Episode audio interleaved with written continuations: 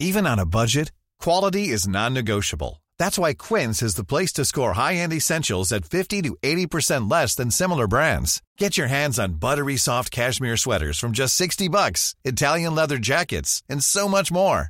And the best part about Quince, they exclusively partner with factories committed to safe, ethical, and responsible manufacturing. Elevate your style without the elevated price tag with Quince. Go to quince.com slash upgrade for free shipping and 365-day returns. I'm Sandra, and I'm just the professional your small business was looking for. But you didn't hire me because you didn't use LinkedIn jobs. LinkedIn has professionals you can't find anywhere else, including those who aren't actively looking for a new job but might be open to the perfect role, like me.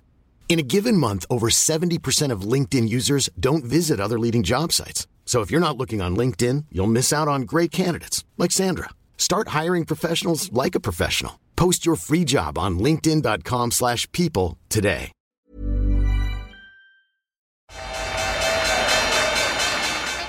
They mistook leverage for genius. Leverage for genius. I would recommend you, Japan. The governments don't rule the world. Goldman Sachs rules the world.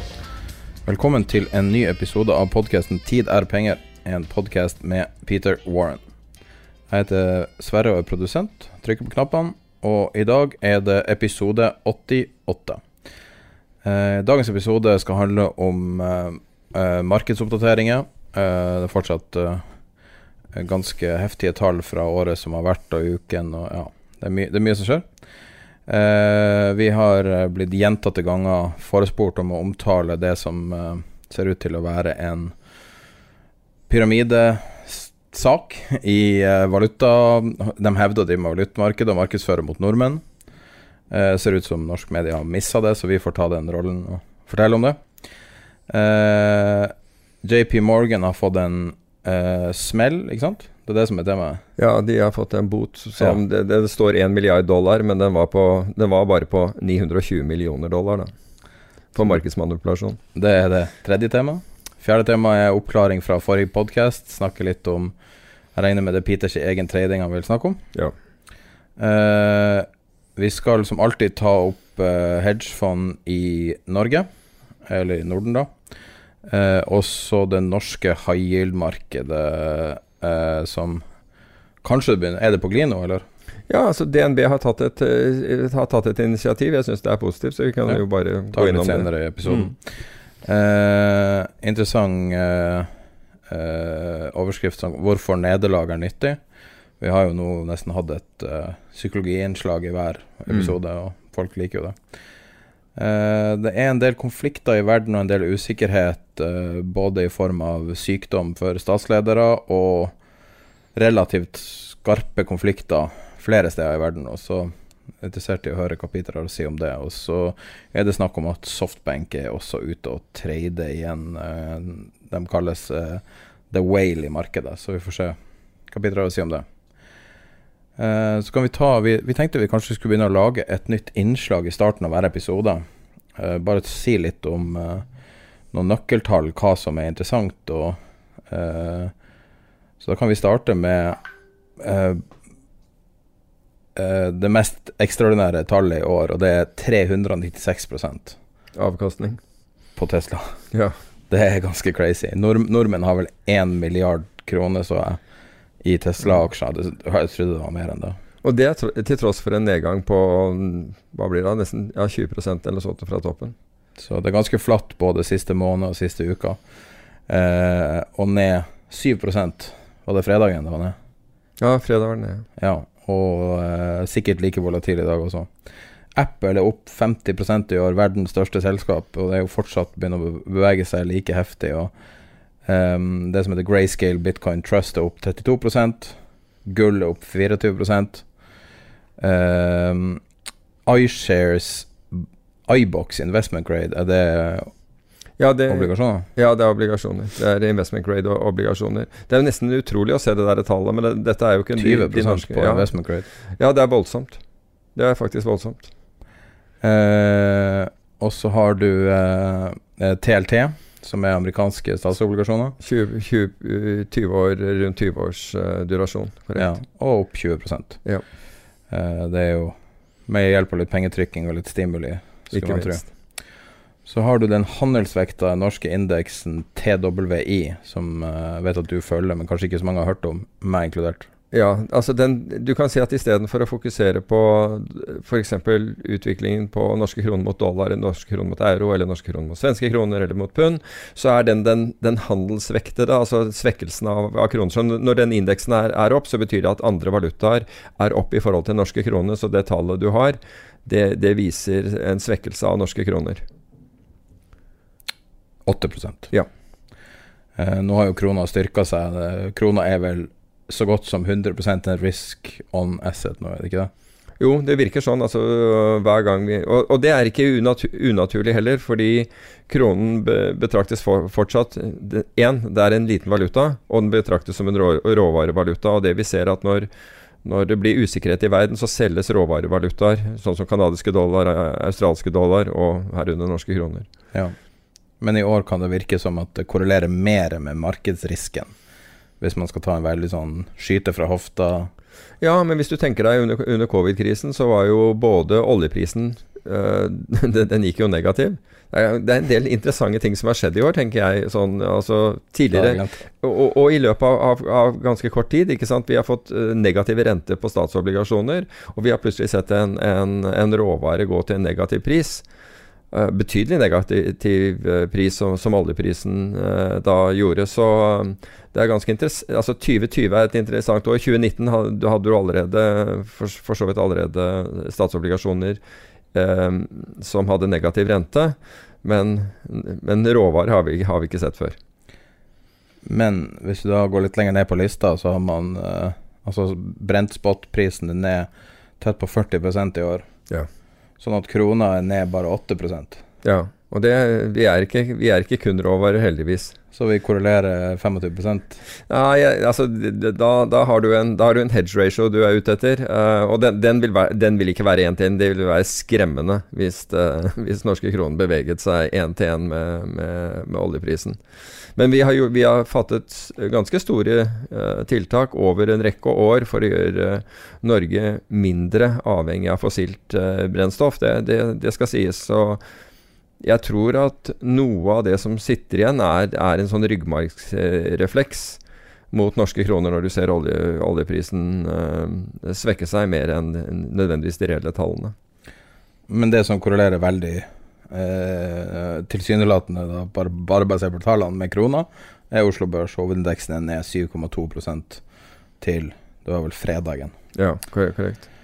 Så eh, det har vært noen bra De siste ukene har vært litt opp, men uh, året som helhet har vært svakt. Eh, SMP er ned 4,6% i år. Har også hatt uh, relativt flat, flat positiv siste tida. Uh, nå sa jeg feil. Ja, SMP er opp. Jeg så. SMP er opp ja, 3,6% Korrekt. Altså SMP var vel opp så mye som 10 på et Jeg så feil. Det er så mange tall der. ja, nettopp. Uh, eh, SMP var, var, opp, uh, var, vel opp 10% på det, på det meste og, og, har kommet av en del nå, mens Oslo Børs har holdt seg negativ. Ja. Det var uh, high yield-indeksen mm. som er opp. Vi tenker kanskje å lage en oversikt over det her, muligens. Vi skal jo si, relansere når vi har fått domenet tiderpenger.no. Eh, etter mange år med å sitte på, eh, på, på gjerdet og vente. Mm. Forsøkte å kjøpe det for noen år siden for ganske mye, men selgeren ville ikke selge.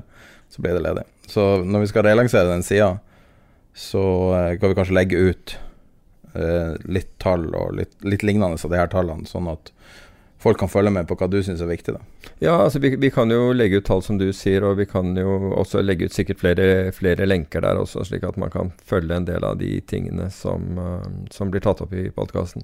Ja. Jobber ganske mye med det, det som skjer nå.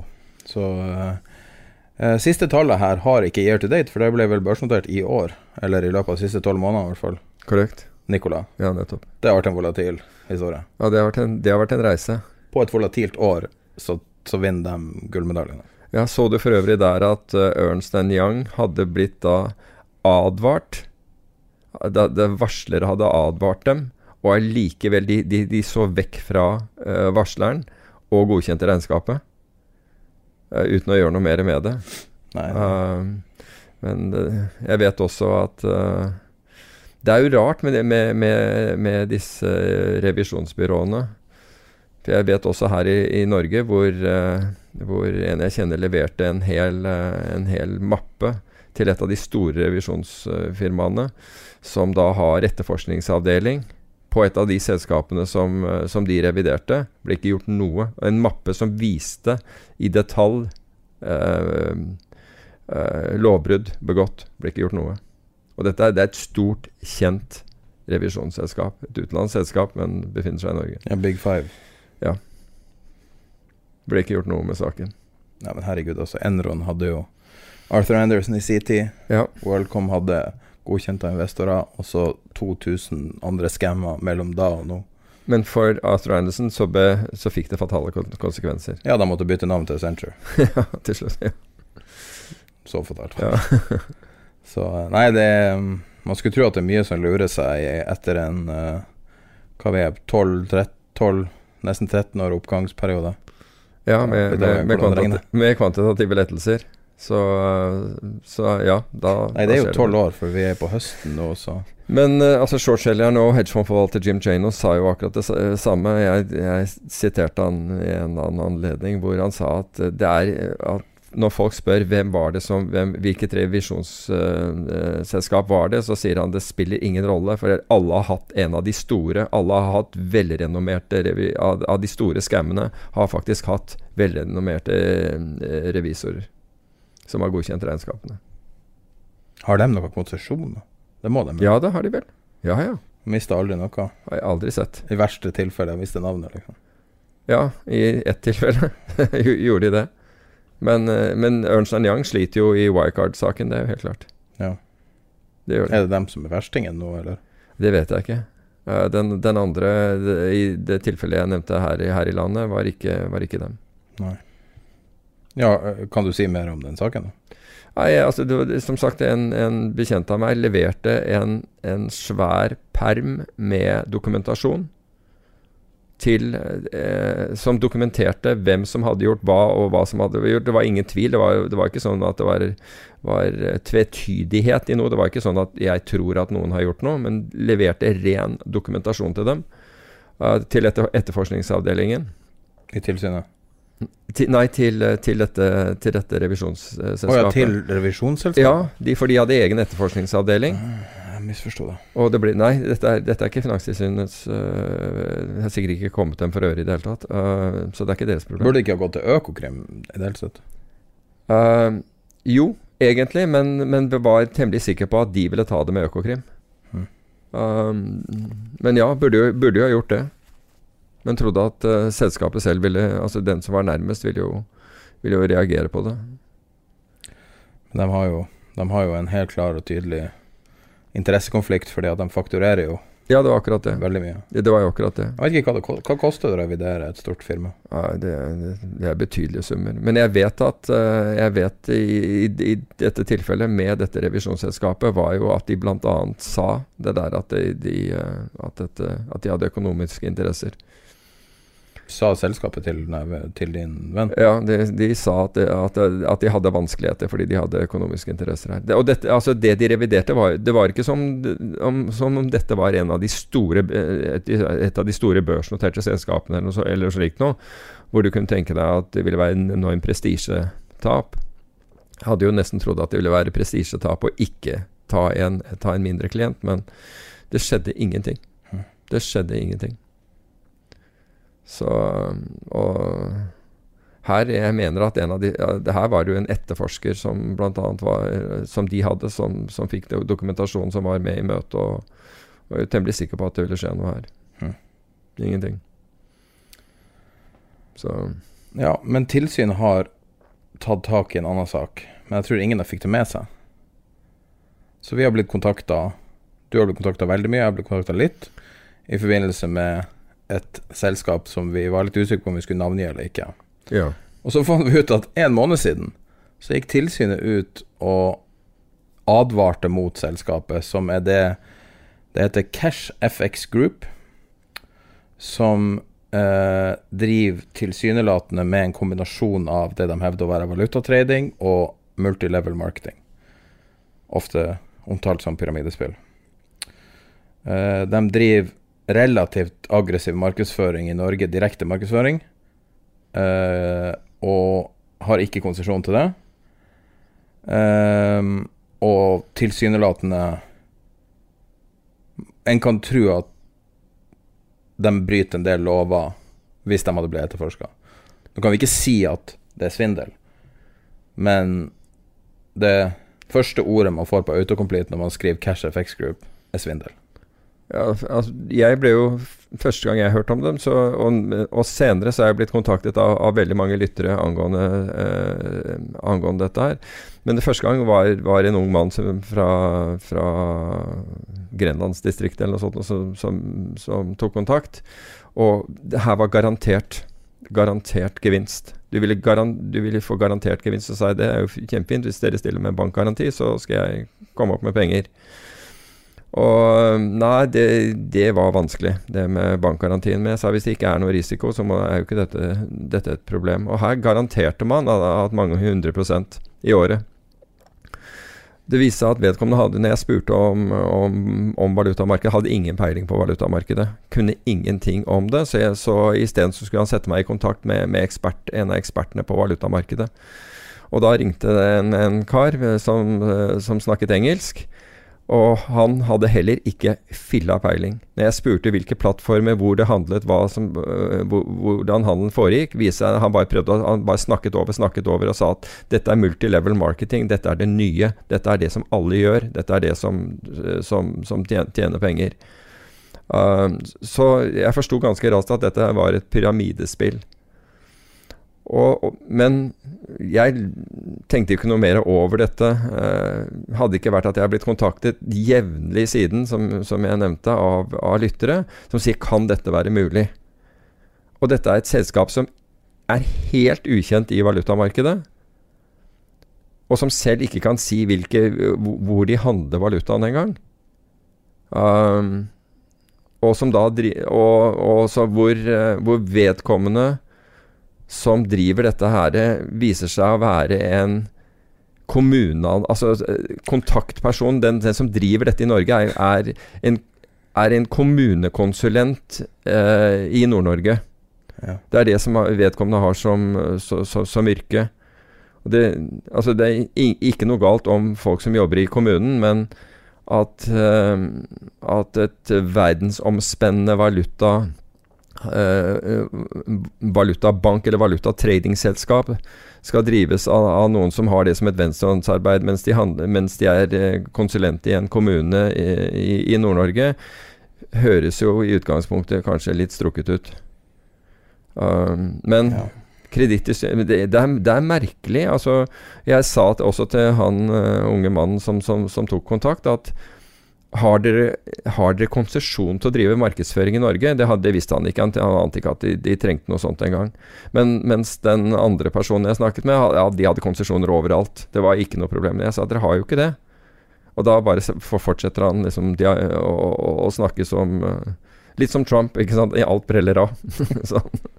Spiller ingen rolle hva du sier. De har en litt interessant uh, markedsføringsstrategi. Eh, som jeg tror at de springer litt inn i kula. For de uh, skriver at i veldig mange innlegg som er på sosiale medier i, i diverse sammenhenger, så sier de ECFX, som er deres uh, forkortelse. Er det en svindel? Er det her en scam? Altså de, de skriver det her i starten av et innlegg. Mm -hmm. Og så står det noe sånn Nei, du må tenke sjøl, og det her er det nye, det her er det store, det her er det fantastiske. Og det er interessant fordi at det at de på en måte adresserer det mm. helt uoppfordra Nei, det er ikke en svindel uansett hva du har hørt. Det er en interessant strategi. Sånn psykologisk eh, så tror jeg det kan funke på ja, mulig. Men, men, men, det man må forstå, er at dette er, et pyramid, altså er bare et pyramidespill.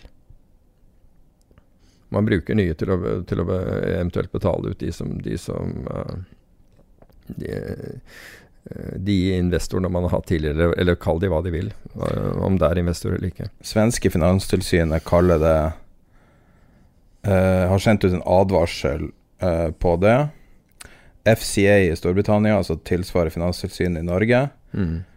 uh, har sendt ut en lignende melding i fjor, faktisk. Det, var, det virker å ha starta rundt i fjor sommer, men det er helt umulig å vite hva det her er. Men det virker å være et relativt nytt firma.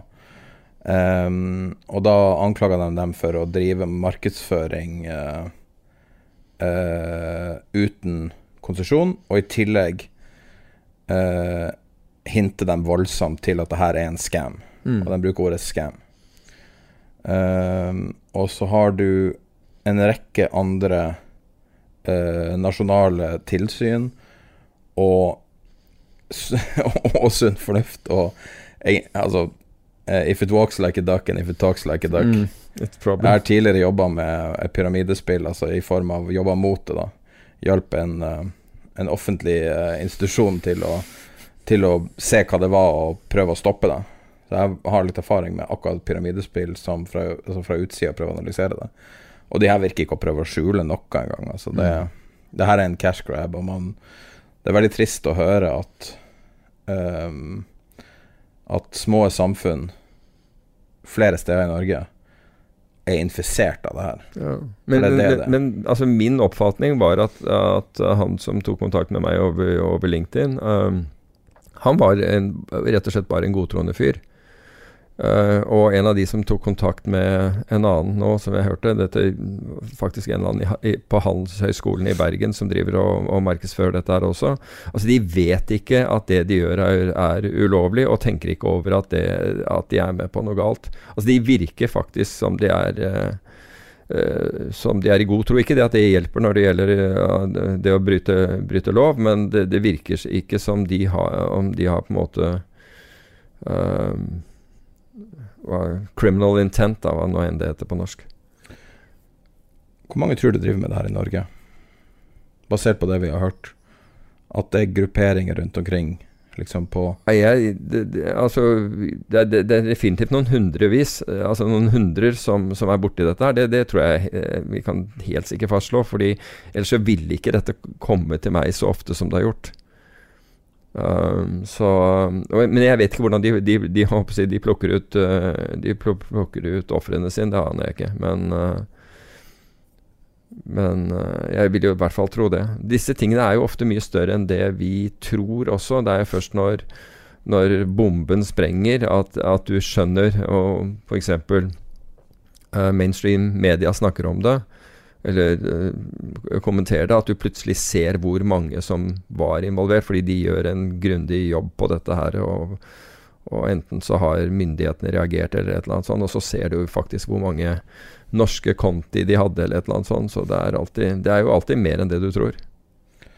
Ja, for, for hvis du ser på en av de navngitte personene som uh, står veldig lett Altså som står liksom oppført med fullt navn i det her, og er veldig innblanda i det. Hun var jo voksen når 5% Community ble uh, eh, stoppa og slått mm. opp veldig stort i, over i kapital, tror jeg. Og, uh, men det er jo veldig mange av dem som biter på det her, som er rundt 20. Det skrives veldig mye aviser om at folk blir rik veldig fort i finans. Mm. Og det er veldig lett å skjønne hvordan du kan tro at det her er reelt. For det er kanskje litt lettere, litt færre skjema å fylle ut, litt verset, og så og så er det litt mindre skremselspropaganda. Vil, ja, altså, Sikkert dyktige sosiale medier. Av de som har tatt kontakt med meg, så vil jeg si at aldersgruppen er, er i hvert fall 20 år eldre enn det. Oh, ja. ja, i hvert fall. Oh, ja. Som, eh, så jeg tror Det kan godt hende at du har rett, at det er de som hopper på det, er, er unge mennesker. Men de som tenker seg om, altså som, som, som får dette presentert og tenker seg om, de syns å være uh, i hvert fall uh, ca. Ja, 40, 40 pluss. Mm. Og rett og slett spør er dette her mulig. Kan dette her være uh, så bra som det er? Ja, det fins jo ting som faktisk er så bra som det er, men det er veldig sjelden at det kommer med en garanti. Ja, nettopp. Men det er jo det er litt som om du skulle få en telefon fra Renaissance Technologies altså, og spørre om du har lyst til å putte penger i medaljenfondet. Mm. Det er jo litt det de Altså, de, de prøver å gi inntrykk av at de er noe sånt noe. Uh, den, te den, telefonen får du ikke, for å si det på den måten. Den, den, går ikke til noen tilfeldige utplukkede i, uh, i, i Norge. Hvis uh, Renaissance Medallion skulle åpne opp for, uh, for utenforstående investorer igjen, så tror jeg For det første tror jeg køen er lang. Og jeg tror at de ville, de ville velge med omhu, for å si det på den måten. Et sånt her selskap bærer jo litt preg av det kompliserte regelverket i Europa også. Der du har FCA i, England, i hvert fall inntil brexit nå Mm. snart er klart, så kan du drive grenseoverskridende virksomhet med å bare være en filial. Ja. Du trenger ikke å søke lokal konsesjon. Så veldig mange av de selskapene som Men du må vel allikevel ha Du allikevel ha markedsføringskonsesjon for å kunne ringe opp norske kunder og, Ja. og pushe dette her. Så uh, det har jo vært der norske finanstilsynet har hatt et spillerom for å stoppe aktører de ikke vil ha i det norske Mm. markedet, som enten opptrer kanskje teknisk lovlig, men ekstremt umoralsk. Det finnes jo mange tilfeller av det. Og ofte er det markedsføringa som Jeg ser jo her at det de skriver på den meldinga for en måned siden, som ingen fikk med seg, tilsynelatende ingen Mm. aviser i hvert fall, um, så er det jo markedsføringa igjen ja. som går inn. De, de skriver ikke noe om det tekniske, fordi at det er FCA i London som eventuelt vil da Men det her er jo tilsynelatende basert i Panama. En av verdens finanshovedsteder, ja. Så Men eh, Men du kan si at det at Finanstilsynet har, har tatt det opp, det kan jo også tyde på at de har fått en del klager, for å si det på den måten. Ja. For Finanstilsynet tar jo ikke dette her opp uh, ut av sitt eget hode. Det er jo ikke sånn det foregår. Hva tror du det er som skjer her, hvis du skal gjette? Nei, jeg, jeg, tror at, eh, jeg, jeg tror at ingenting skjer, jeg. Ponzi scheme? Ja, jeg tror Ja, det, det tror jeg. jeg. Tror ikke at de er eh, De sannsynligvis handles ikke engang. Det er, det er min mistanke. Det er jo bilder fra hovedkontoret deres i da sikkert Panama. Ja, Mm. Panama City. Jeg har en venn som bor i Panama, kan jeg sende han dit? Og, han er veldig seriøs. Få sende sende han dit med livvakt. Eh, de har veldig mange skjermer på kontoret sitt. Ellers er det en uh, tapet. Det er litt vanskelig å se. Jeg tror faktisk det er en tapet som ser ut som grafer. Mm. Uh, og veldig mange iMac-er som står rundt omkring. Men det er ingen folk der. Så eh, nei, men det er, det er Man skal ikke flire av det her. Det her er jo De anmoder jo folk til å sette inn én million kroner. Mm. Så det de reklamerer med, da sannsynligvis overveldende sannsynlig at det er ulovlig markedsføring via Facebook, Ja. som man kan finne bare med å søke på det, så står det jo at hvis du putter inn 100 000 dollar, så får du x antall tusen dollar i måneden. Det det er ikke sånn finans funker, altså. Nei, det gjør ikke det. Det er uh, Ikke engang bankkontoer eller konti gjør det lenger, i og med at renten Nei. er så lav. Så, men det, jeg håper virkelig ingen har satt inn en million kroner her, altså. Ja, jeg aner ikke. Det, altså, de jeg har, jeg har snakket med, har jo blitt kontaktet om dette og, og f- tenker at dette her er for bra til å være sant. Og, og det, det er, er vel akkurat det det er. Eh, hva, hva folk kan gjøre hvis du, hvis du har eh, eh, blitt med på noe sånt her mm, og hatt litt uflaks og, og Det er ikke som man skal hevde at folk er dumme eller ikke, det er jo ikke det det er snakk om her. Det er jo, hvis man er, er nå Ja, ja. sjøl godtroende, så jeg vet hvordan det, hva det vil si å være godtroende. Hva, hva man kan gjøre? Altså, det, jeg vet ikke. Jeg, vil jo tro Forbrukermyndigheten og Finanstilsynet er de man, man bør kontakte. Men jeg tror at det er jeg tror det er, altså I og med dette drives fra utlandet, pengene føres ut av landet, så, så skal det nok eh, noe til for at du klarer å få det tilbake igjen. Er jeg redd. Hvis det er en ponzi-skim, så får du det kanskje tilbake, fordi første førstemann ut. Men eh, Ja. Så det er jo Disse tingene er jo gjerne et korthus. Så man, man får håpe, altså, hvis man, hvis man har penger i dette, her, at man får det ut. jeg vil bare gjenta at alt vi sier nå er spekuleringer om hva de gjør og alt Ja. sånn. Eh, Det er jo viktig å påpeke at man kan aldri være helt sikker. Men en god måte å finne ut av om noe er seriøst eller ikke, er å skrive navnet deres inn på Google, og så ser du hva som kommer opp på autocomplete. Mm. Og hvis ordet scam eller svindel eller et eller annet sånn kommer opp, så er det et rødt flagg. Men det vi vet, det er jo at en rekke lands finanstilsyn har advart mot. Det vet vi. Ja, og de har ikke konsesjon. Det, det vet vi også. Og det er på en måte Det er alt man trenger å vite. Det er Ja. litt samme hva de gjør ellers. Nettopp. De påstår å ha det, men de har det ikke. Var det konsesjon når du starta også? Samme system? Når jeg startet, hva da tenker du på? Finans? Eh, Du, det kom an på hvilke funksjoner du hadde. For du kunne gi investeringsrådet uten konsesjon, da kunne du ikke det? Da kunne du gi investeringsrådet, investeringsråd, ja. Det kunne du. Så eh, noen ting har virkelig blitt bedre med det her. eh. Det må jo ha vært helt Texas, da? Nei, det var ikke det. For det var ikke så mange som Det var jo ikke så mange som drev og ga, ga råd om, om, økonomi og finans på det tidspunktet. Og, så du kan si at det, dette kom jo da når det profilerte voldsomt. Altså det ble flere og flere av, av disse hvor man begynte å innføre det. Men nå er det jo Nå har man jo liksom gått helt over den andre veien, slik at det er blitt voldsomt Nå er det jo nesten prohibitivt kostnad, øh, kostnader å, å, sette i gang for, for, for, altså for velmenende, ordentlige aktører. Da. Mm. Det er klart at Hvis du er, allerede er en bank, så er det en liten kostnad. Men hvis du er et øh, Hvis du er en La oss si en selskap med, med, med, med, to ansatte, da, men du har god greie på finans og ønsker å drive med, med rådgivning, så er det ekstremt kostbart. Det er veldig kostbart å komme i gang. Du kan si all den, all den reguleringen, alt det der har, har eh, det, er, det, er, det, er, det, er, kun én profesjon som har tjent på dette her. Advokater. Ja.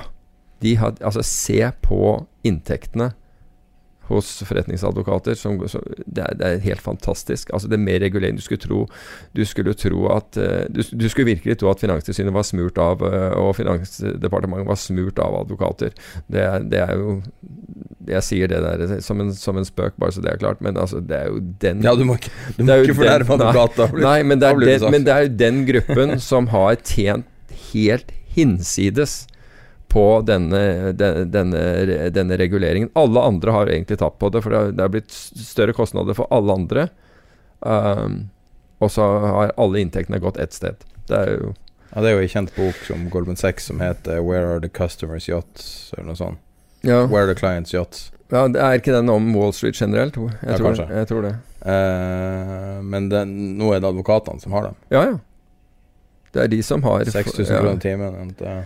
Det blir det penger av. Jo, men når, da, når, det er da mulig for advokater å gi feil råd, og så slippe unna hele greia i tillegg Det, det er jo liksom det helt fantastiske. Selv, altså det, er, det er ikke alle tilfeller, men, men, hvor de kan liksom ja, ta, behøver ikke engang ta ansvar for, uh, for uh, de, de, dyrt betalte rådene. Da, det er klart at da, da jekker du det opp en stund. Altså Hadde den samme diligencen vært brukt overfor advokater som det er overfor, for, overfor finansforetak, men det er det jo ikke. Det er jo helt forskjellige Det, det omfattes av helt forskjellige regler. Så, så, du betaler dyrt for noe som da kan vise seg å være feil. Uh, men hvis du har satt penger inn i Cash Forex Group, og du ikke får dem ut, så kan du vel å ringe en advokat, tror jeg. Ja, men jeg ville jo tatt kontakt med forbrukermyndighetene først. Altså, Du må jo gå den der veien hvor det ikke koster altfor mye sånn til å begynne med. Og jeg ville jo tatt kontakt med forbrukermyndighetene eller Finanstilsynet og hørt hva de sier om, om hvilke muligheter du har. Det er, de er rett adressat for dette. Så ja. Nei, uregulert finans er skummelt. Eh, JP, hva, er det egentlig som har skjedd med JP Morgan nå? Fordi at, er, er sjefen blitt holdt personlig ansvarlig nå, var det det? Nei, nei. Nå, har, nå blander jeg? Nei, nå blander du. Uh, nei, det som har skjedd med, med, med JP Morgan, og det er, jo, det er, jo, ganske interessant, fordi det har jo veldig lenge vært hevdet at JP Morgan uh, har uh, manipulert markedet for edelmetaller, med andre ord eh, gull og sølv. Og det, det, den, disse ryktene har gått i, i mange år. Um, og så har vi den der, den der saken som, som, jeg skrev blogg om, øh, om øh, de bevegelsene som var i, øh, i, i markedet for statsobligasjoner under, under, covid. Og det er jo da ganske interessant, for det ble det, der skyldte man jo på, på, på hedgefond. Og så er det ganske interessant at ikke lenge etter så kommer det da en dom som da media skrev om på 1 milliard dollar, altså en bot på 1 milliard dollar tildelt uh, eh, JP Morgan, viste seg å være 920 millioner dollar. Hvor for kursmanipulasjon i statsobligasjoner og i edelmetaller. Og da har de systematisk over en rekke år drevet kursmanipulasjon. Det er over åtte år har de manipulert markedet for edelmetaller. Og, og, det får de nå en bot på 920 millioner dollar for. Uh, ikke bare det, men uh, statsadvokaten i New York uh, har, har, brukt da den mafiaparagrafen, altså den RICO, som den heter, Racketeering Influence Corrupt Organization, og en annen kalte det for, for en, eh, en, en, et forbrytersyndikat. Som drev på Altså uh, som brukte det om JP Morgans trading. Det kalte det et forbry, forbrytersyndikat. Og dette har gått over tid. Så, så når, når, tilsynet sier at uh, at det skal være alvorlig eller gjentagende for at de skal, de skal ta noens konsesjon, så har dette foregått over åtte år. Og det er jo ingen, så vidt jeg vet, så er det i hvert fall ikke foreløpig, som er blitt fengslet i JP Morgan. Altså, de har drevet med akkurat det samme som det Navinder Singh Sarao, altså han som ble tatt for, for uh, The Flash Crash i 2010 ja, Stakkaren som bodde med flyplassen. Og han, som bodde hos, han som bodde på gutterommet hjemme hos foreldrene sine og våknet opp klokken seks en morgen dette er i Hounslow. Det var, det var rett under innflyvingen til, uh, til, Heathrow. Ved at FBI og Scotland Yard Det sto omtrent 100 politifolk utenfor. det måtte jo vært, måtte vært en, en, litt, en, en, morgen, en litt uvanlig morgen i Hounslow. Um, han ble senere utlevert til USA. Og han hadde jo advart. Han hadde jo, han hadde jo sett denne aktiviteten i markedet. Gitt gjort myndighetene og børsene oppmerksom på denne, denne, denne, aktiviteten, og sa at dette må jo være eh, kursmanipulasjon. Hvorpå verken myndigheter eller børsene hadde gjort noe. Så Saraho han tenker da at ok, da, da, må jo dette være lov, så han begynte å gjøre dette privat. Og så, er, så ble han arrestert. Som den eneste blir han arrestert etter The Flash Crash for, for den aktiviteten han hadde gjort. Men på det tidspunktet så eksisterte ikke loven sånn som den eksisterer i dag. Så den, jo, den kom jo til etter The Flash Crash. Så Sarao, han, han si, utdannet jo myndighetene i hvordan dette foregikk.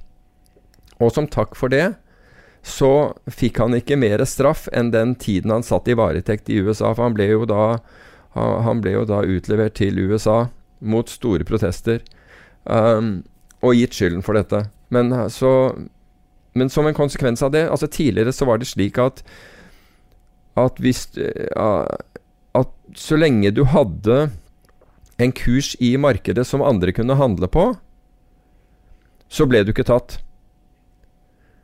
Så da, hvis du la inn et voldsomt stort volum eller noe sånt noe, øh, over markedet for å prøve, prøve, å presse det ned, altså ikke, på, ikke nødvendigvis på den beste selgekursen, men to nivåer over eller noe sånt noe, så var det et nivå som man, man, noe man kunne handle på. Så man ble ikke tatt. Men nå ble lov, så ble loven senere endret til at du hadde ikke intensjon å handle på, at noen skulle handle på den kursen. Så man strammet da inn, så det holder nå at, at du la inn en kurs, men, men den var åpenbart falsk, for du hadde, ikke, du hadde ikke noen intensjon om å handle på den kursen. Og I flere tilfeller så var det ikke mulig å handle på disse kursene. For når de la de kursene inn, uansett hvor rask du var, så ville de klare å, å få, ut, eh, få, få, trukket ut den, den, eh, den, ordren før du traff den. Altså, Spu bare, Beklager at jeg avbryter. Spoofing er ulovlig nå? Spoofing er ulovlig. Hvorfor blir ikke for eksempel, jeg vet, ikke, jeg vet ikke om Timber Hill gjør det, men altså Nei, Timber, Timber Hill spoofer jo ikke. Altså, nei, nei, de, de, men, la oss ta en hvilken som helst annen high frequency-aktør. Ja. Hvorfor blir ikke de tatt for det her? De må jo gjøre det her en million ganger om dagen. Men det, er, det, det som er interessant, er jo at etter at nyheten om at JP Morgan uh, fikk denne, denne boten, så har svingningen i gullmarkedet gått betydelig ned. Så eh, altså, Nå snakker jeg om de intradag-svingningene, så de har blitt mye mindre etter bare nyheten om, om dette. Men, uh, men, det var jo interessant da, da, at de sa at det var et forbrytersyndikat. Altså, det, det er, det er uh, RICO. RICO.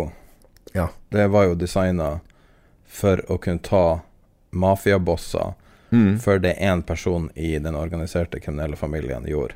Ja. Det var det som var Fordi at du klarte aldri å ta de store for det de små gjorde for de var helt isolert.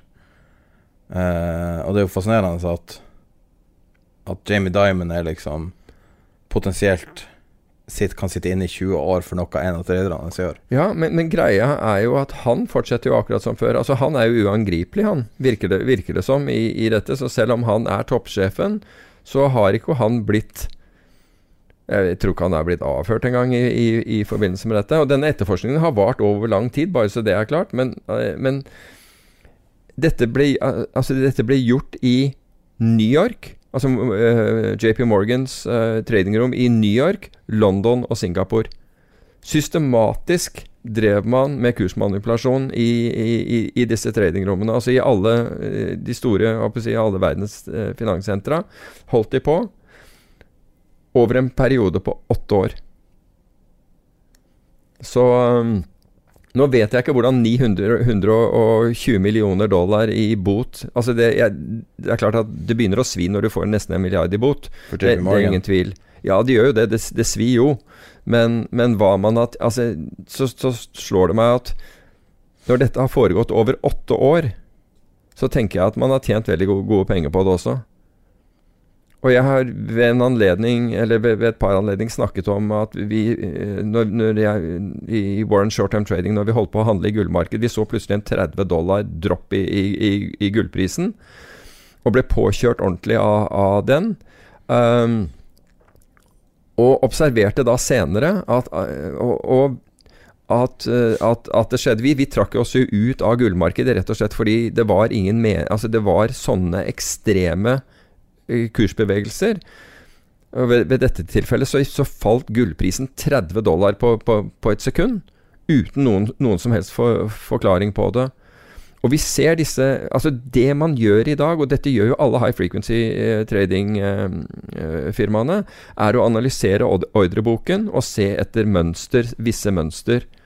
Og når disse mønstrene blir oppdaget, så enten reagerer man på disse mønstrene med å flytte sine priser, fordi du, du tror at nå kommer det en bevegelse, eller så setter du i gang den bevegelsen med å, å, å fyre den, den, avgjørende Altså det, det blir jo litt, litt som, uh, som uh, ved, ved, en uh, avalanche, snøskred. ikke sant? Den der lille, det er akkurat den lille tingen som får, det, får dette til å rulle.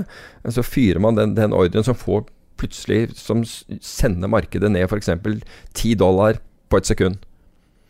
Um, og alle disse Alle high frequency-traderne driver jo egentlig og analyserer eh, ordrebøker, så du kan si at når Hvis grensen din er at du har ikke som intensjon å handle altså Hver gang de flytter priser, og de, de flytter priser med, med, på, på eh, mikrosekundnivå, noen ganger raskere, så kan du jo lure på om det var, det var det en reell intensjon bak å handle på, på, på, på, noen av disse prisene.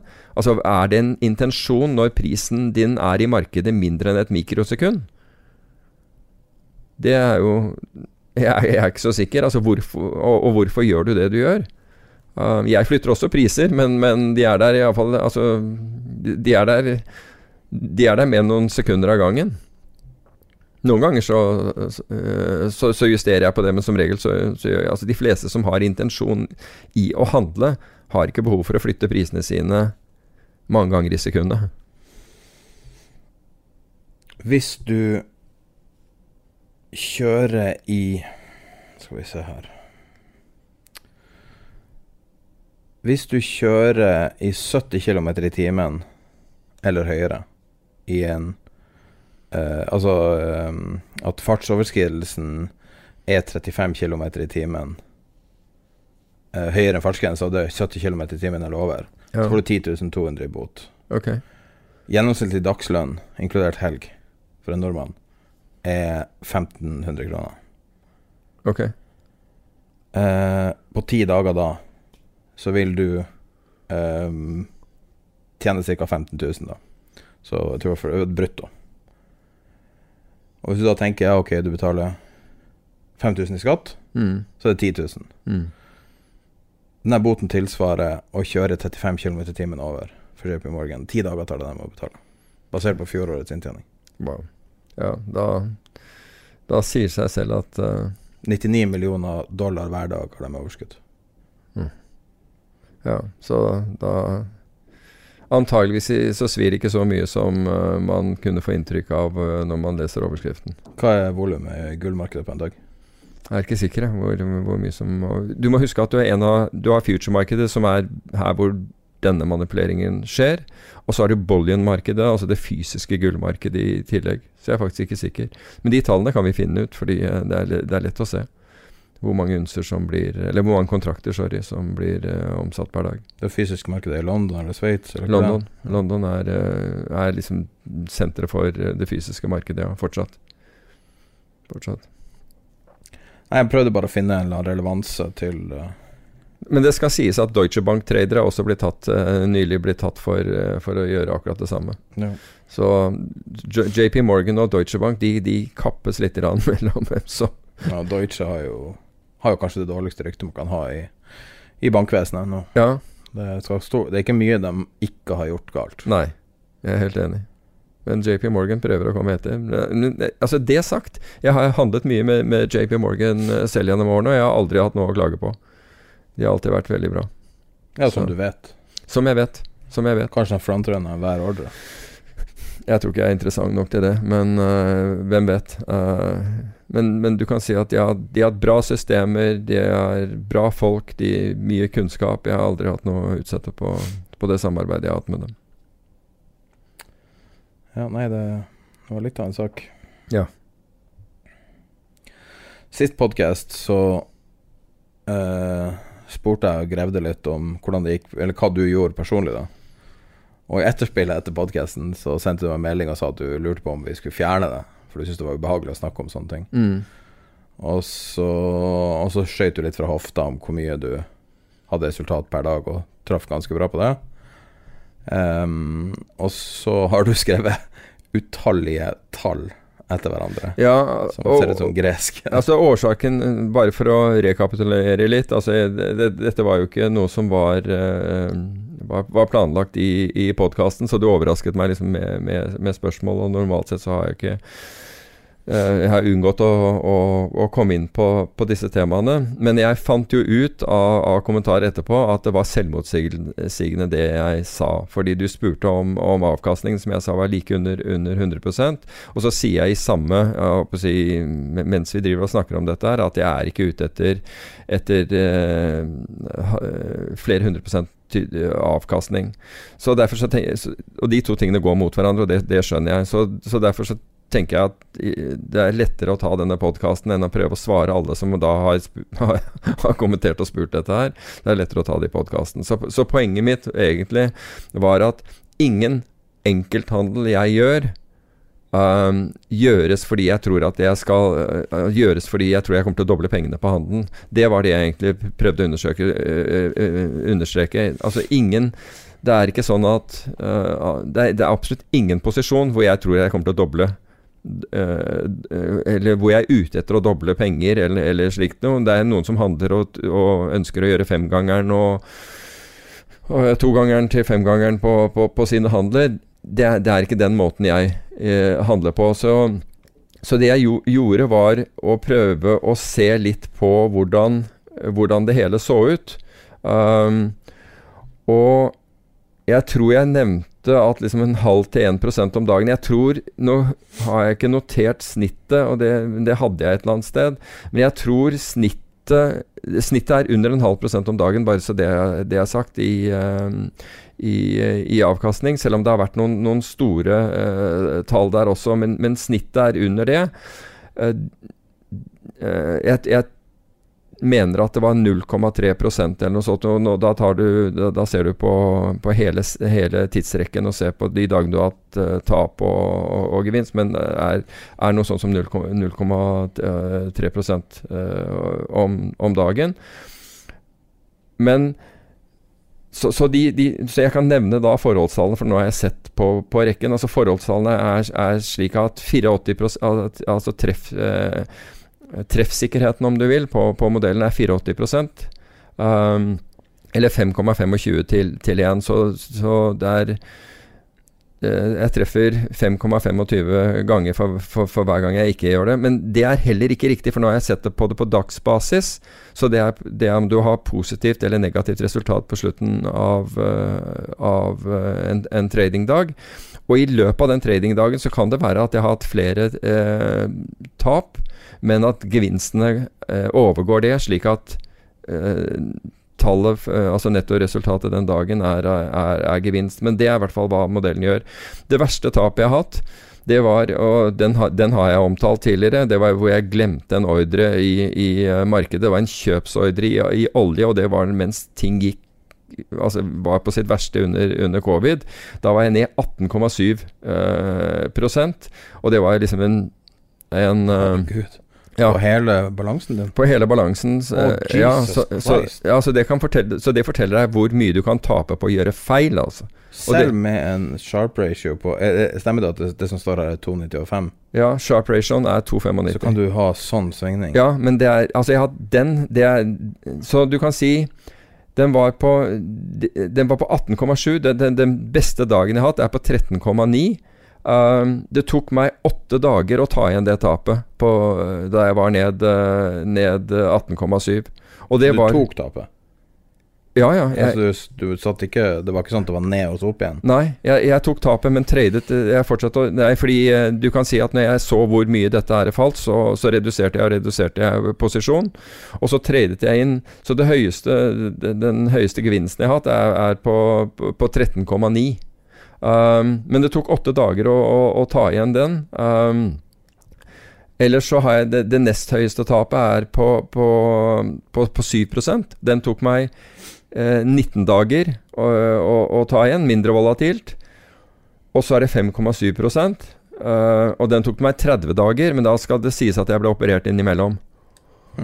Uh, slik at der gikk det jo uh, Der var jeg på uh, Der gikk det eh, noen uker hvor jeg ikke kunne trade. Eh, fordi jeg delvis eh, var på store morfindoser og, og delvis lå på sykehus. Men sharp ratioen er, er på 2,95 på hele eh, i, i år. På hele, på hele den biten. Og som vi har nevnt tidligere i forbindelse med sharp ratio, jeg anbefaler deg bare å hvis du ikke vet hva det er, å google det og lese på Investopedia. Um, og sharp ratio på 295 er sjokkerende bra. Ja, altså, det er høyt. Det er, det er høyt. Eh, og hvorvidt man klarer å holde det eller ikke. Men, men eh, jeg var på BI for øvrig i, i forrige uke. Det var en veldig bra, bra sesjon hvor jeg snakket om, om, om motgang. Og hvordan man håndterer eh, motgang. Og, og der var det en del spørsmål om, om, om hvordan man trader og, og hvordan man gjør ting. Og, og som jeg som denne, eh, disse resultatene er, er intradag kun. Ingen posisjoner tas, holdes over natt. Og i vesentlig grad så handler jeg perioden når Europa åpner om morgenen, altså når Asia og er, øh, slutter og Europa begynner, og når overgangen mellom Europa og USA, som er alt fra klokken to til, til fem uh, Jeg forsøker ikke å handle de andre per, periodene ut, utenfor det. Uh, Det er vel best practices, er det ikke det? ja, det er rett og slett fordi da er volumet Og da virker rett og slett Altså, jeg kjører statistikk hele tiden på på, på når clusterer Altså når, har, når, når, når tjener du penger, og når tjener du ikke penger. Og det er disse periodene som er bedre enn en f.eks. periodene rundt lunsjtider hvor, hvor, hvor, ting, hvor, hvor det skjer mindre. da. Og hvorfor det er det slik? Jo, fordi på, på morgenen så kommer det masse ordre inn til, eh, til meglerhusene som skal, som skal utføres, og bevegelsene blir da større i en periode. Og det samme skjer eh, i, i det amerikanske markedet. Så, så har du helt mot slutten av det amerikanske markedet da vil du også se at, det- at volumet øker, men da er det så kort tid igjen til stengning, og, og, og tatt i betraktning at jeg ikke tar med meg posisjoner over natt, at eh, da Det kan hende at jeg er aktiv der, men, men da er jeg mye mer forsiktig, for å si det på den måten. Til sammenligning med ditt resultat nå, så har det tidligere nevnte selskapet uten konsesjon reklamerer med å ha ca. 1,2-1,7% i daglig resultat. Ja. Så eh, Så det, de er ganske mye bedre enn det. de er vesentlig bedre. De er vesentlig bedre hvis de Du har forstått heller ikke konsesjon, men dine egne penger. altså? Nei, og det trenger heldigvis, heldigvis ikke det heller. så kanskje en dag man må ha det også for egne penger. Trading, hvem vet. Du må det hvis du, hvis du uh, co-locater nå. Så tror jeg de krever Ja, mener jeg at de krever konsesjon. Så hvis du co-locater, eh, så um, Altså driver marketmaking og co-locater til, eh, til eh, der hvor eh, der hvor børsens uh, slutningsdatamaskiner er, altså de som da foretar handelen, så tror jeg du må, nå må ha konsesjon. Er det for å forhindre eller bremse high frequency? Jeg har ikke peiling hvor, hvorfor det er. Altså det er. Det er vel bare fordi Hvem er det som har konsesjon? Fordi at når norsk, altså børsen, Oslo Børs er jo i London. Ja. Så, så, du kan si at hvis du er en norsk aktør og co-locator i Oslo, eh, til London, sier at jeg vil ha co-location der, så, så, krever de konsesjon. Ja, men er det FSA eller FCA, sorry, eller er det Nei, hvis du sitter i Oslo, så vil det være, vil det være Finanstilsynet her. Ja. Verden blir litt mer komplisert enn ja. var i gamle dager. Vesentlig. Eh, det er ganske uh, jeg, Leser jeg riktig at det er ganske svakt år for hele markedet, eller er det for eh, det ene fondet du har trukket fram? Nei, det er ikke for he hele markedet, fordi vi har sett på, igjen på de nordiske hedgefondene, og 18 av 11 har tjent penger i år. Det er helt feil. Det må være 11 av 18, selvfølgelig. 11 av 18 uh, har, har, tjent penger i år. Um, det som lå på topp en stund, det var jo Polar Multiasset Multi-Asset uh, Hedgefond, som vi har snakket om, og som er uh, to karer fra, fra, DNB med I hvert fall den ene, som jeg vet hvem er, har, har, god, har betydelig tradingbakgrunn fra, fra DNB. Men jeg må jo si at når, når ikke leverte resultater fra august før uh, måneden var over, holdt jeg på å si, jo, eller før, før uh, september var over, så det er alltid dårlig tegn når noen ikke plutselig le leverer. Men da hadde de også et veldig dårlig resultat på, på, på minus 14,28% og er nå ned 3,5% på året, så de har jo da gått til, til minusgruppen fra å være helt på toppen. Men jeg tenker jo at at en av de tingene, og det, det, merket jeg jo selv, at da jeg gikk fra, fra eh, en verden hvor du er prop-trader, altså med andre trader i en, i en bank det er, litt, eh, det er, mulig at de, de har de samme utfordringene som, som, som jeg hadde. På, på, et sett og vis så tror jeg de har noen av dem, i hvert fall. Det, det, ene jeg merket, var at når jeg gikk fra det å være proptrader til å være fondsforvalter Altså Alle tror fordi du har vært en veldig god proptrader at du skal, du skal gjenskape det når du, når du da begynner å, å, forvalte i et fond. Det er rett og slett ikke mulig å gjenskape det. Og Det ene er at når du er proptrader, om det er en bank eller et annet sted Prop betyr altså driver med, med egenhandelen. Så har du én sjef og, og, det er den sjefen som er over deg i, eh, i banken. Det er ganske mye lettere å forholde seg til enn om du enn når du har like mange jeg, sjefer som det er investorer i, i, i, fondet ditt. Så du går egentlig Altså, man kan beskrive det, og nå, nå Dette er ikke for å disse eh, drosjesjåfører, fordi eh, jeg må bare fullføre resonnementet. Det, det, er litt som å være Å gå fra en, å kjøre Formel 1 til å kjøre drosje. Jeg, jeg, ser du smiler, og det, det, var derfor jeg sa det er ikke for disse, disse Bra illustrasjon. Jeg skjønner akkurat hva du mener. Ja, fordi det øyeblikket du begynner da å kjøre en drosje, så, så sitter det folk og har Da er det en helt annen regulering du må, du må forholde deg til. Du har i tillegg folk i baksetet som hele tiden har meninger om, om, om kjøringen din, og kan ha meninger om, om, kjøringen din. Og det er en mye større utfordring for deg enn det du er vant til. Og hvis vi ser Goldman Sachs og mange av disse andre bankene som har hatt veldig kjente eh, proptradere. Christian Sivajotti, som er kanskje en av de mest kjente som gikk fra Goldman Sachs, var han som tjente voldsomt for dem under 9-11. Han startet jo også sitt eget hedgefond, og etter kort tid altså, så la han det der ned, fordi der orket han ikke. Han orket ikke det der presset på at folk drev og ringte han opp hele tiden og lurte på Altså, han hadde Han tok akkurat den samme strategien som han hadde brukt i Goldman Sachs, over i, i, i hedgefondet, og sa for, forklarte alle investorene hvordan det, dette virket, og det samme forsøkte vi, vi å gjøre, og det gjør sikkert Polar også. Hvordan det der virker, og, og hva de kan forvente. Men Problemet er at investorer du har, du har, ingen kontroll på det. De kan, være, de kan være solgt inn via rådgivere. Og jeg, jeg, har snakket med investorer som hvor det de forventer, og det jeg vet at jeg forsøker å levere, er så fra langt fra hverandre at jeg skjønner ikke at vi, at, hvordan de har kommet inn i fondet i det hele tatt. Og det har ofte skjedd via rådgiver, fordi da har de ikke snakket med deg.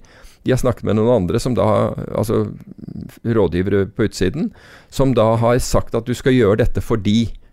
Og så har ikke rådgiveren kunnet dette fondet, og, eller, eller hva du forsøker, og det er en total krasj istedenfor en match. Altså det er en total mismatch mellom forventningene til investoren og, og, og det du forsøker å skape. Så det er veldig krevende å gå fra å være å, å, drive egenhandel, altså drive proptrading, og, og forvalte et fond. Det er på en måte en, et annet skillset. Og det er det egentlig jeg hadde lyst til å, å, å påpeke her. Og det er klart at når de går ut og sier jeg, vi, vi omtalte dem i en, en podkast for en periode siden, hvor de, hadde, hvor de gikk Var det 160% eller noe sånt noe short? Eh, markedet. Og det, dette, var fra, dette sto på tror jeg, forsiden på Finansavisen. Og du får da en, en, en måned Altså måneden etter, eller du har sagt at du er short, så går det amerikanske aksjemarkedet opp, så gjør det vondt. Ja, altså da var det, det kan være at du har rett, altså fordi forrige måned igjen, altså som nå er eh, september, var jo ned i det amerikanske aksjemarkedet. Så det er godt mulig at de har fått tilbake pengene nå. Men den forventningen som er i det, eller det når folk ser at du er 160% short og ser markedet gå opp, så kan det være at de, de som sitter i baksetet, faktisk begynner å, begynner å si noe. Mens du har på en måte kommunisert alt det du hadde tenkt å gjøre, og er klar over at markedene kan gå litt mot deg før de går, går med deg osv. Og, og da begynner, denne, da, da begynner en, en dialog som du helst ikke, helst ikke ønsker å ha, fordi det skaper mye støy. Eh, Jeg sitter og ser på lista over eh, de fondene som, som gjør det best. Og det er et fond som egentlig ikke snakkes så mye om. eh, Alexander Dahl i Pareto. Mm. Det er et navn som jeg tror kommer opp av og til. Men det er ikke så veldig ofte du hører om Pareto eh, Nordic Alpha. Og jeg ser at de har hatt en eh, sterk september nå, 4% i september. Okay. Og har en relativt eh, på, på, I det korte bildet så har de en fin sharp ratio, men litt avhengig av hvordan du regner, så er det eh, fra 0,95 til 3 et eller annet. Så jo Mm. lenger ut i tid, jo Mm. jo svakere sharp. Um, long short det, eh, jeg, jeg visste ikke at det var kommet uh, noe særlig resultater for september ennå, men de må jo akkurat kommet i dag, tenker jeg. Ja, jeg ser bare på, uh, på Hedge Nordic sine tall. Ja.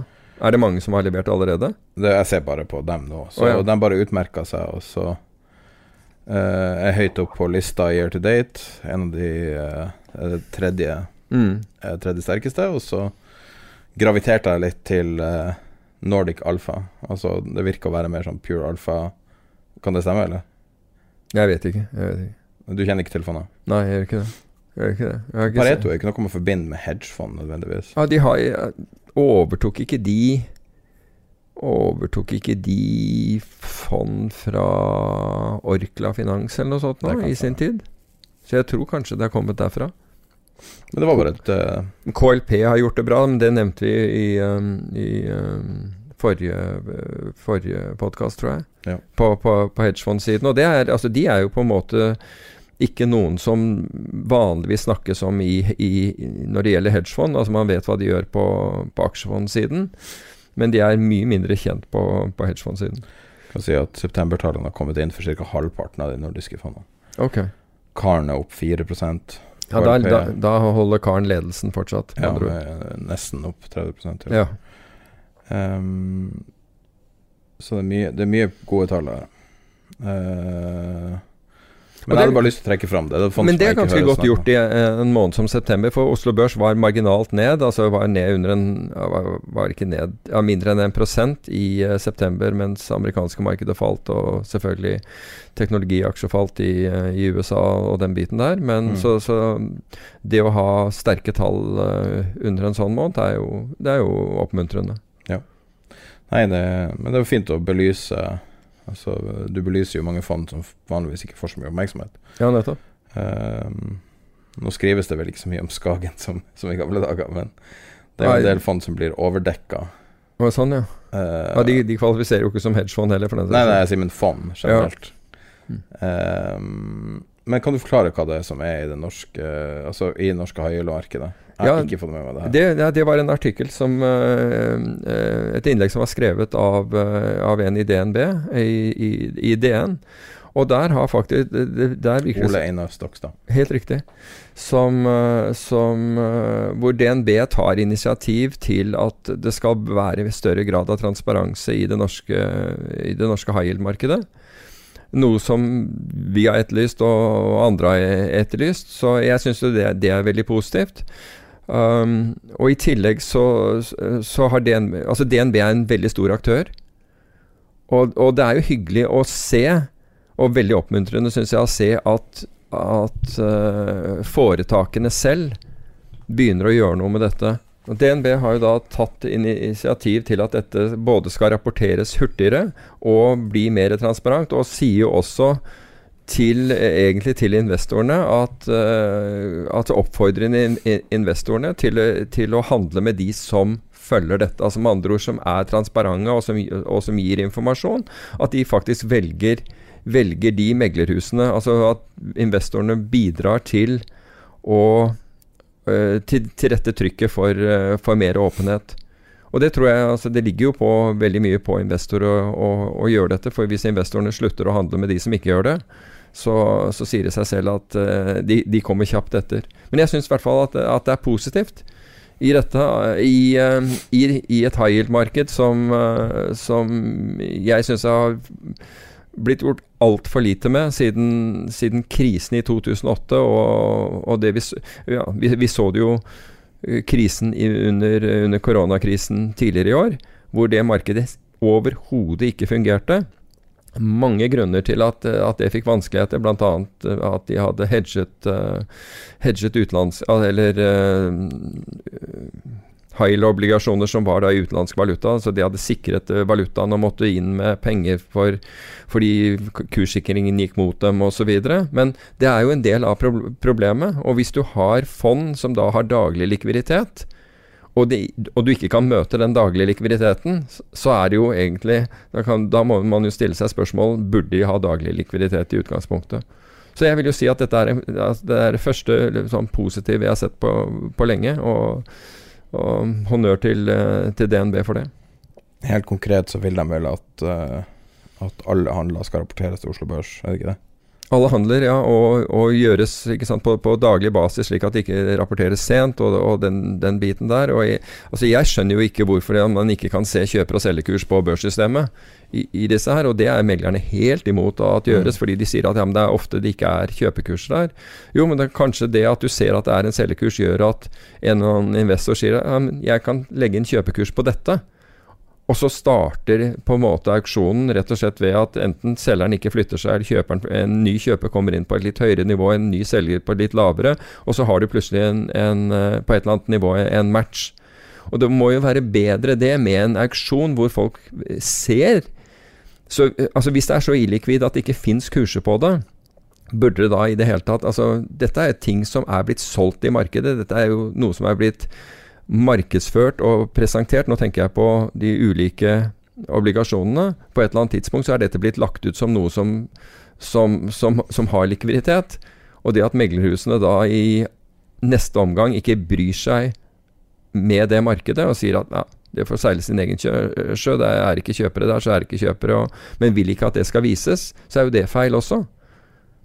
Så um, jeg mener jo at dette burde være mye mer markedsdrevet. da, Altså drevet av, av, uh, av markedets behov enn en meglernes behov. Og jeg syns at det DNB gjør igjen i dette her, er, en, er et skritt i, i, riktig retning. Mulig de ser, en, ser sin snitt og tar markedsandeler kanskje også?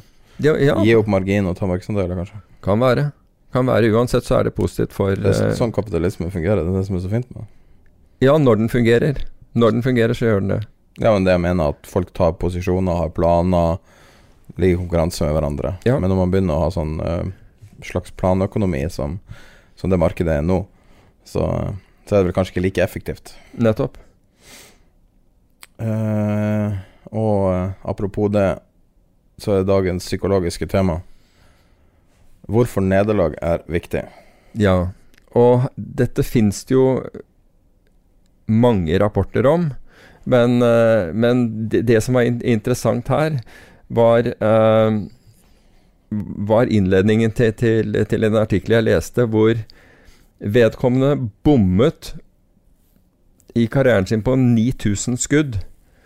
Tapte 300 kamper og brant 26 avgjørende skudd. Altså 26 ganger hvor, hvor vedkommende ble satt til å ta det avgjørende skuddet, gikk det gærent. Og denne personen er Michael Jordan. Og Michael Jordan sier selv Jeg trodde det var andre skudd. og My, My, Michael Jordan sier selv at det er på grunn av alle de nederlagene, alle de gangene han feilet, at han ble så god. Ja. Og det er, det er, da noen professorer som har, eh, som har skrevet en, en, uh, en, en, studie av dette. Det er Collins og McNamara som har skrevet, uh, som har skrevet en, studie om, om, disse, om, disse, utfordringene.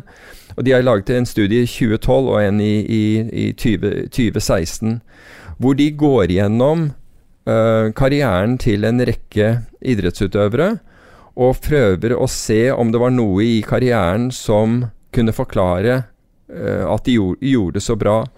Og den faktoren som de så gikk igjen, for de lette etter mange, var nemlig at de hadde hatt ordentlig motgang tidligere i karrieren. Og hvorfor vi tar opp dette når det gjelder trading, er at, er at det gjelder egentlig det akkurat det samme som, som gjelder.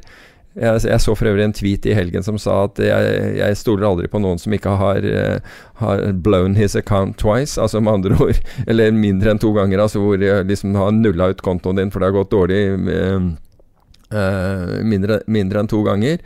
Og det er den, den evnen til å ta lærdom fra motgangen for å bli bedre, det, det, var, den, det var den faktoren som som de kunne påvise som en kilde til, til den suksessen man, man, hadde. Det var nettopp at man hadde gjort dette uh, Nettopp at man hadde feilet. Og mens de så på en rekke andre som da ikke hadde, ikke hadde den samme motgangen, som enten stagnerte og ble borte, eller rett og slett eller ga seg av, av, av andre årsaker. Mens de som hadde møtt Altså, nederlag er jo på en måte et sånn tendensiøst uttrykk, men møtt motgang, da. Og det, det, er jo mange steder i livet som hvis vi går tilbake igjen og, og ser, så har folk hatt motgang enten i, i barndommen, tøff uh, oppvekst eller skilsmisser, den type ting som har på en eller annen måte traumatisert dem i, i oppveksten som ligger til grunn for noe av den driven de har, har videre. Og det jeg også opplever, det er at det, det, er veldig mange som tar kontakt når de har De aller fleste, faktisk, eh, som tar kontakt når det gjelder den type ting, har hatt har, hatt mot, har motgang i øyeblikket. Enten at de har tapt veldig mye, og, eller de får det ikke til. Um, og jeg tenker jo at mens de som, de som har de, de, som på en måte surfer, surfer, sjelden ser et behov for forbedring. Mens det du blir klar over når du har motgang, det er at jeg er nødt til å forbedre meg. Hvis jeg ikke forbedrer meg, så, dette, så, er, så blir det ikke bedre enn dette her. Så den viljen du har til å forbedre deg og ikke Altså, jeg merker jo selv at hvis jeg gjør feil, sånn som f.eks. den der å glemme en, en kjøpsordre altså det det skal helst ikke gjentas. Da blir jeg skikkelig gæren på meg selv. Altså det, det, er jo sånn du, du jobber hardt for å, for å, for å tjene penger i, i, markedet, og så begår du en idiotisk feil uh, som det, som, som, setter deg da 18% tilbake. Det føles, he, altså det føles helt utrolig meningsløst ut. Men det er bare din egen feil. Du har glemt en ordre i, glemt en ordre i, uh, i markedet. Og så Hva kan du gjøre med det? Jo, du kan lage et system hvor, du, hvor, hvor ikke det skal uh, gjenta seg. Jeg gjorde en, en, en, feil her i forrige uke, og det var å trade tett opp til at jeg hadde en avtale. Det er også en idiotisk feil å gjøre. Eh, fordi det gir deg ikke tidsrom eh, til, til, å håndtere hvis, hvis markedet går i, i, imot deg. Alle sånne ting kan forbedres. Når jeg følger prosessen 100% og taper penger, så, så, gjør det meg egentlig ingenting.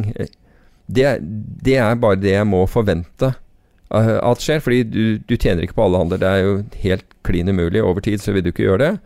Um, men når du gjør men når du gjør på, påviselige feil, så kan du da tenke over de feilene og si at ok, det her skal jeg ikke gjøre igjen, eller jeg skal bruke det der til, til, å, til å forbedre meg. Jeg forsøker alltid å forbedre ting, men feil som skjer ved rett og slett Altså, det er bare the law of averages som gjør at Som, som vi så, altså én av en av 5,25 dager eller vil, vil, jeg tape penger på. Det, det, er bare sånn det er.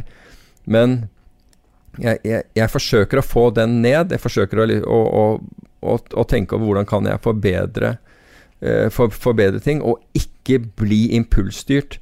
Det er jo den største feilen du gjør, er at du blir impulsstyrt istedenfor prosessstyrt. Hvis du har en prosess for å gjøre noe, følge den prosessen, så kan du forbedre den prosessen.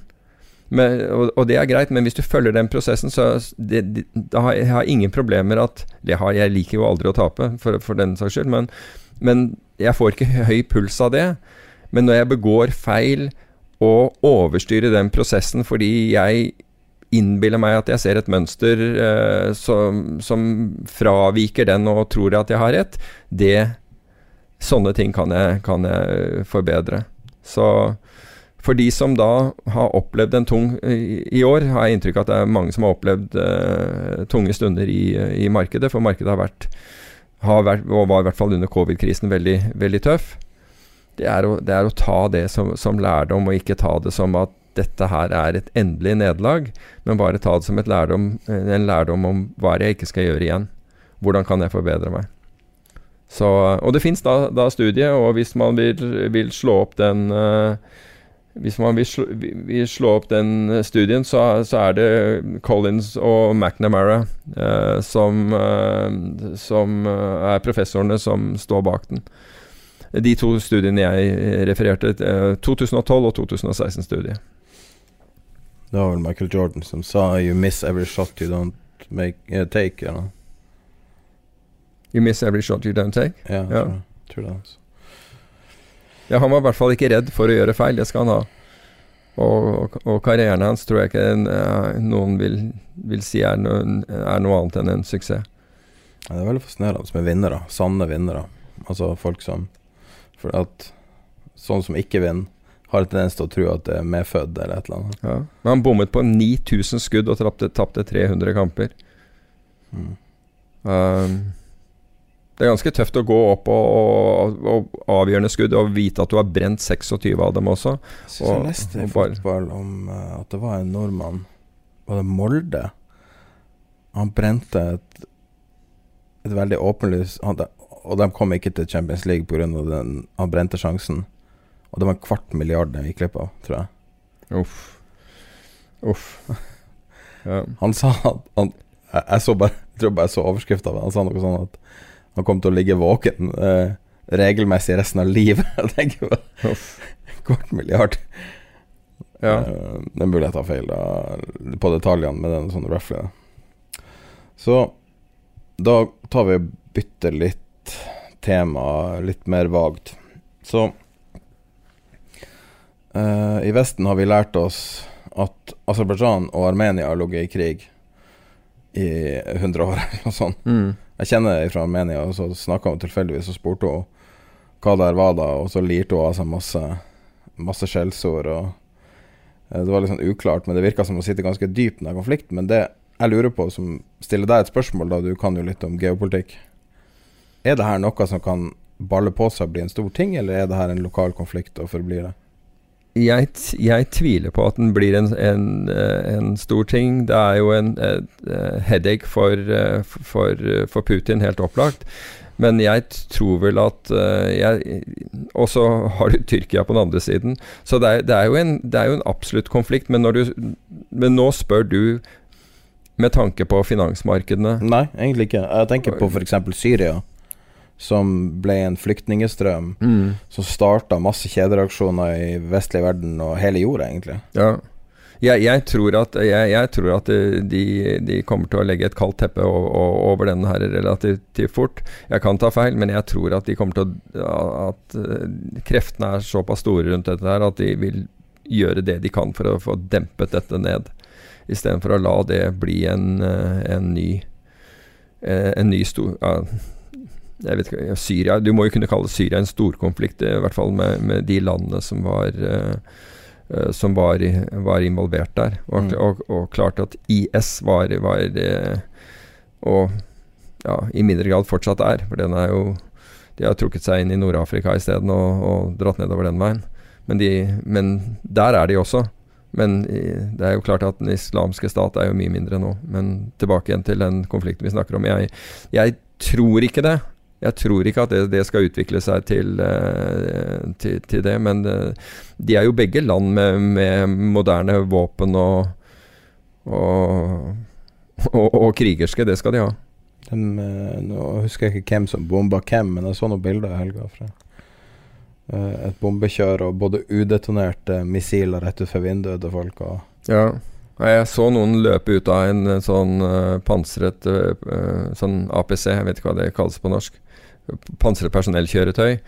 Mens nedslagene eh, slo ned eh, rundt dem. Altså, så det Pluss du, du ser jo at de har eh, At de har, som jeg nevnte, moderne våpen. Du ser Mm. våpen brukt mot, mot, mot stridsvogner og, og, og den biten. Så Nei, det er bare du har et unikt innsikt i sånne her ting, så da tenkte jeg det var greit å spørre. Er Sikkert mange som lurer på hva det er. Jeg klarer ikke å huske eller uttale det her området det er snakk om. å gå inn i Karabasj. Ja, akkurat. Ja. Så du kan litt om det. Men, men du kan si at uh, jeg, Mitt inntrykk, og nå ser jeg det fra liksom det finansielle perspektivet, er jo at alle jeg treffer som kom til markedene enten i finanskrisen eller etter, er, synes å være helt overbevist at ingenting er et problem, for sentralbankene kommer til å være der forever. Og det er det, det er det du får servert hele tiden. Da kommer det en Men sentralbankene kommer jo til å ordne opp. Og det er en sånn iboende overbevisning om at sentralbankene er her forever.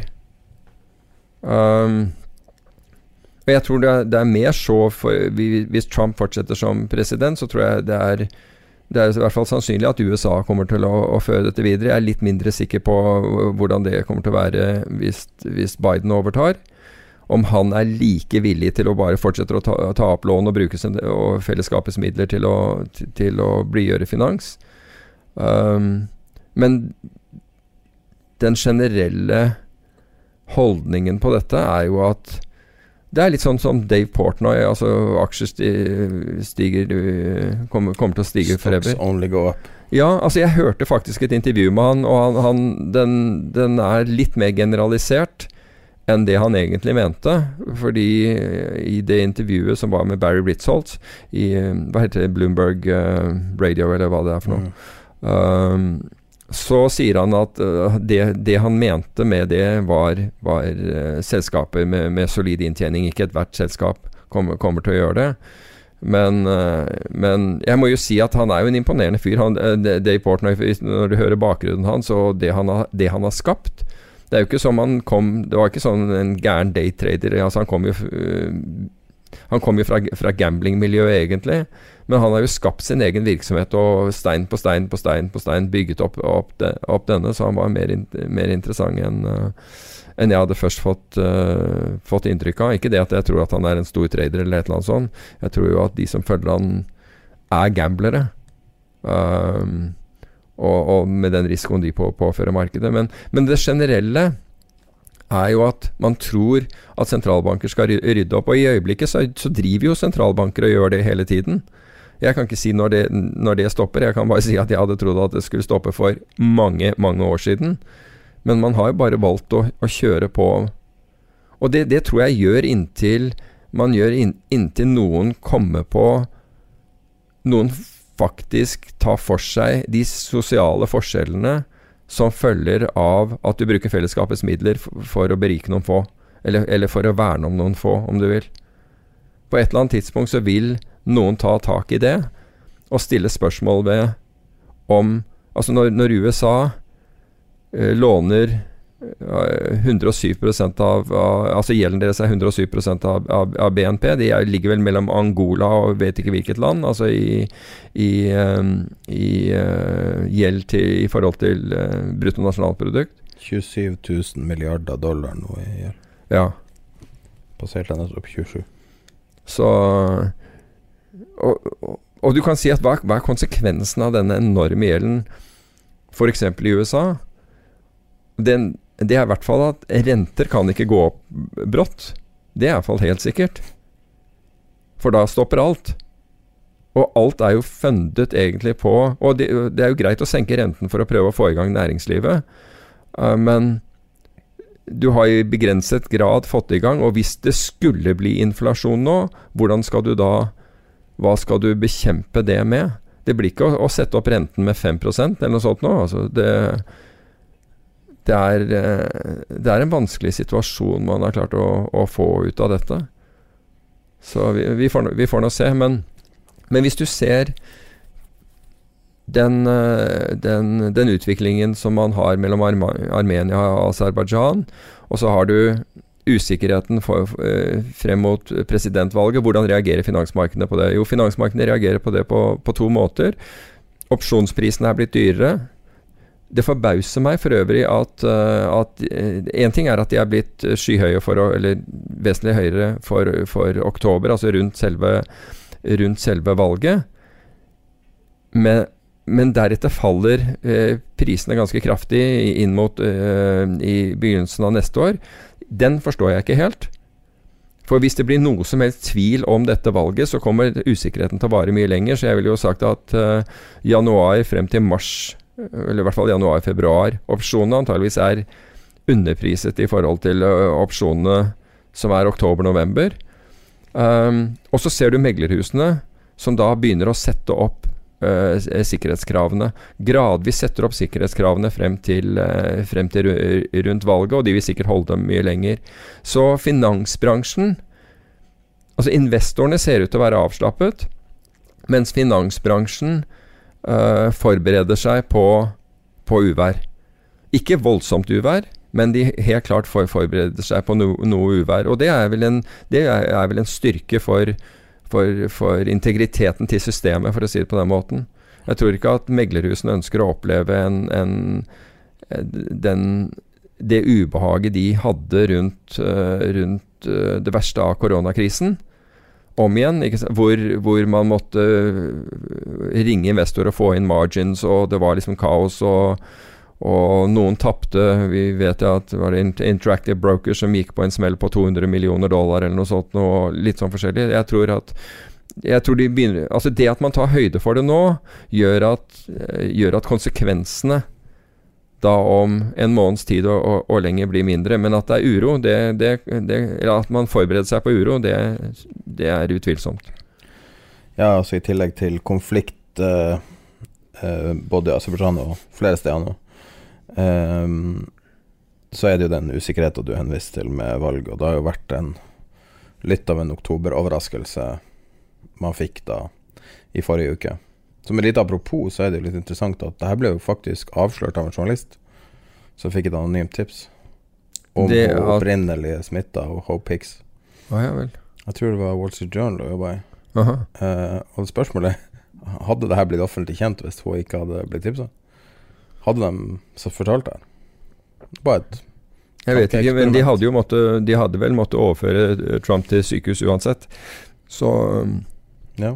det ville jo vil jo fått oppmerksomhet. Uh, men det er men, jo den største nyhetssaken jeg kan huske som har vært mest i hele, på hele jorda. Liksom. Ja. Det første som skjer, er jo at markedet selger av på den nyheten. Og så, etter hvert som uh, man får mer positive signaler fra sykehuset, så, så gjør markedet det, bedre. Mm. Og logikken bak det er jo at, uh, at uh, Trump har jo redusert regulering, latt bankene begynne å spekulere igjen. Har gjort en del sånne altså, rett etter finanskrisen så, så det jo, ble det jo satt ned for, forbud mot bankene å spekulere med, med, fellesskapets midler. Så Trump har jo fjernet en del regulering som gjør at bankene ikke, og meglerhusene ikke kunne spekulere. Så finansbransjen, altså infrastrukturen i finansbransjen, banker, meglerhus og den type ting, ser jo som positivt hvis, hvis, for, for, sin egen del hvis, hvis Trump uh, får fortsette.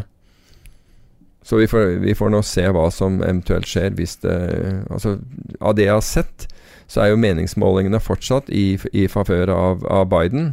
Når det er sagt igjen, så var jo meningsmålingen i favør av Hillary Clinton eh, eh, helt fram til valget også, for, for, fire år siden.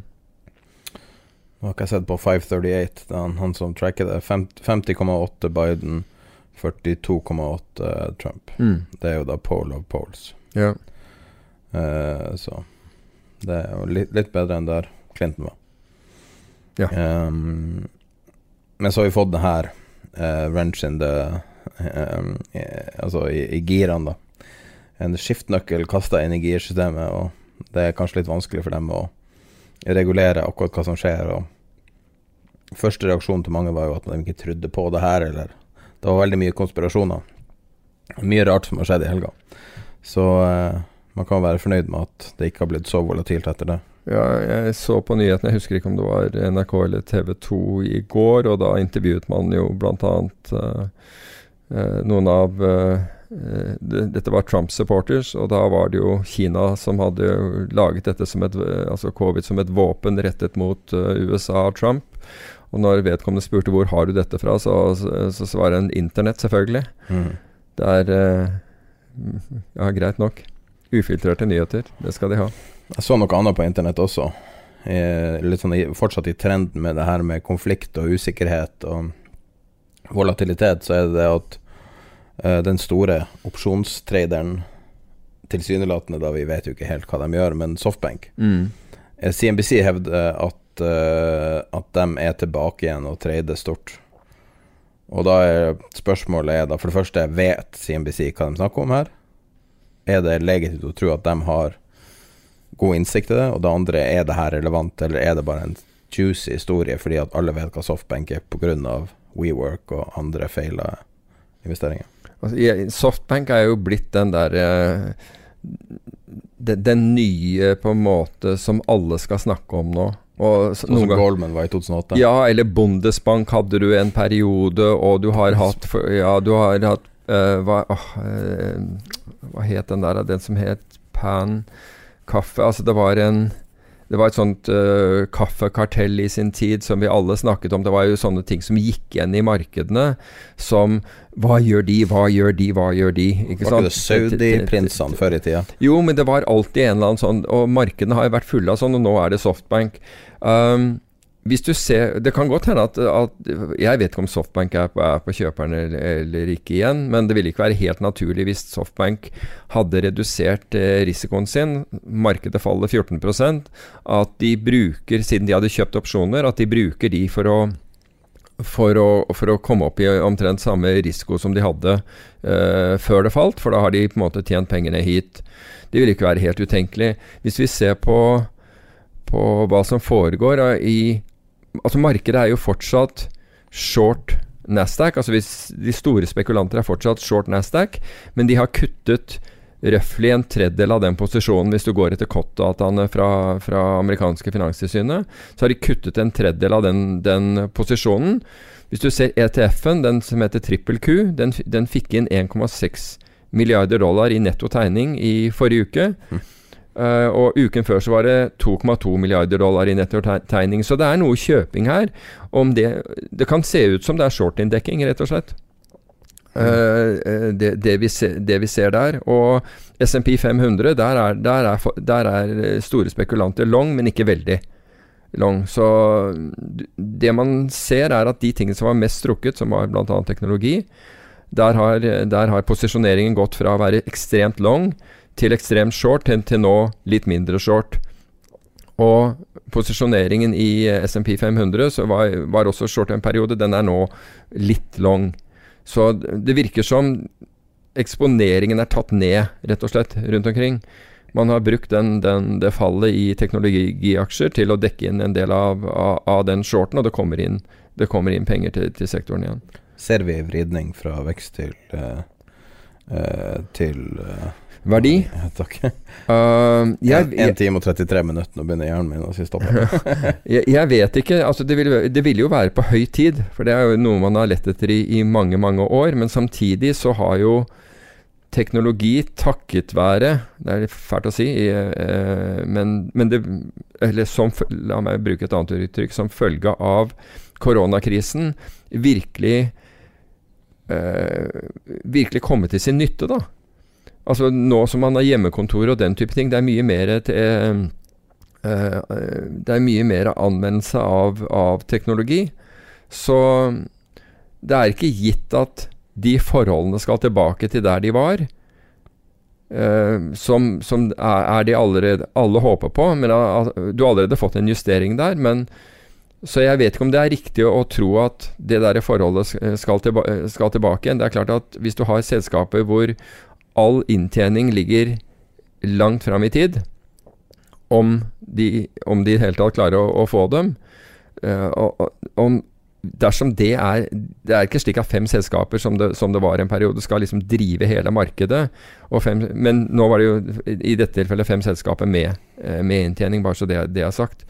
Um, så jeg, jeg, tror, jeg, tror, ikke at det forholdet kommer, kommer tilbake til, til, det det var. Men jeg, jeg syns jo fortsatt at verdi er un, underprist i forhold, til, uh, i, i, forhold til vekst. Så får vi se om det er riktig eller ikke. For det man sier spesifikt da, er ikke det at du nødvendigvis uh, får en nett og positiv uh, trade med verdi, men at en long verdi short vekst er en god trade. Det, det, det er ikke sant? Ja. Nettopp. Nettopp. Så da håper man tidevannet går ned også, kanskje. Uh, men da tror jeg vi avrunder dagens episode. Uh, vi har uh, gått gjennom litt av hvert, og rommet begynner å gå litt tom for oksygen, kjenner jeg også. Så mulig du har litt uh, annen terskel enn for det. Um, og så får vi da bare vente og se hva som skjer med Trump og diverse kriger og alt. Så er vi tilbake om to uker. Kan jeg bare komme med et sitat helt på slutten? Shit. Og det var, det var skrevet på, på, på, på, veggen hos, en, uh, hos et hedgefond. Uh, for å minne alle de, de, som jobbet her i tradingrommet. Og det var 'stay humble, stay hungry, stay in the fight'. Altså med andre ord, det er viktig å overleve slik at du fortsetter å, å, å være in, in, the fight. Og det forteller litt om, om, om, det, nemlig at det er viktig å håndtere risikoen.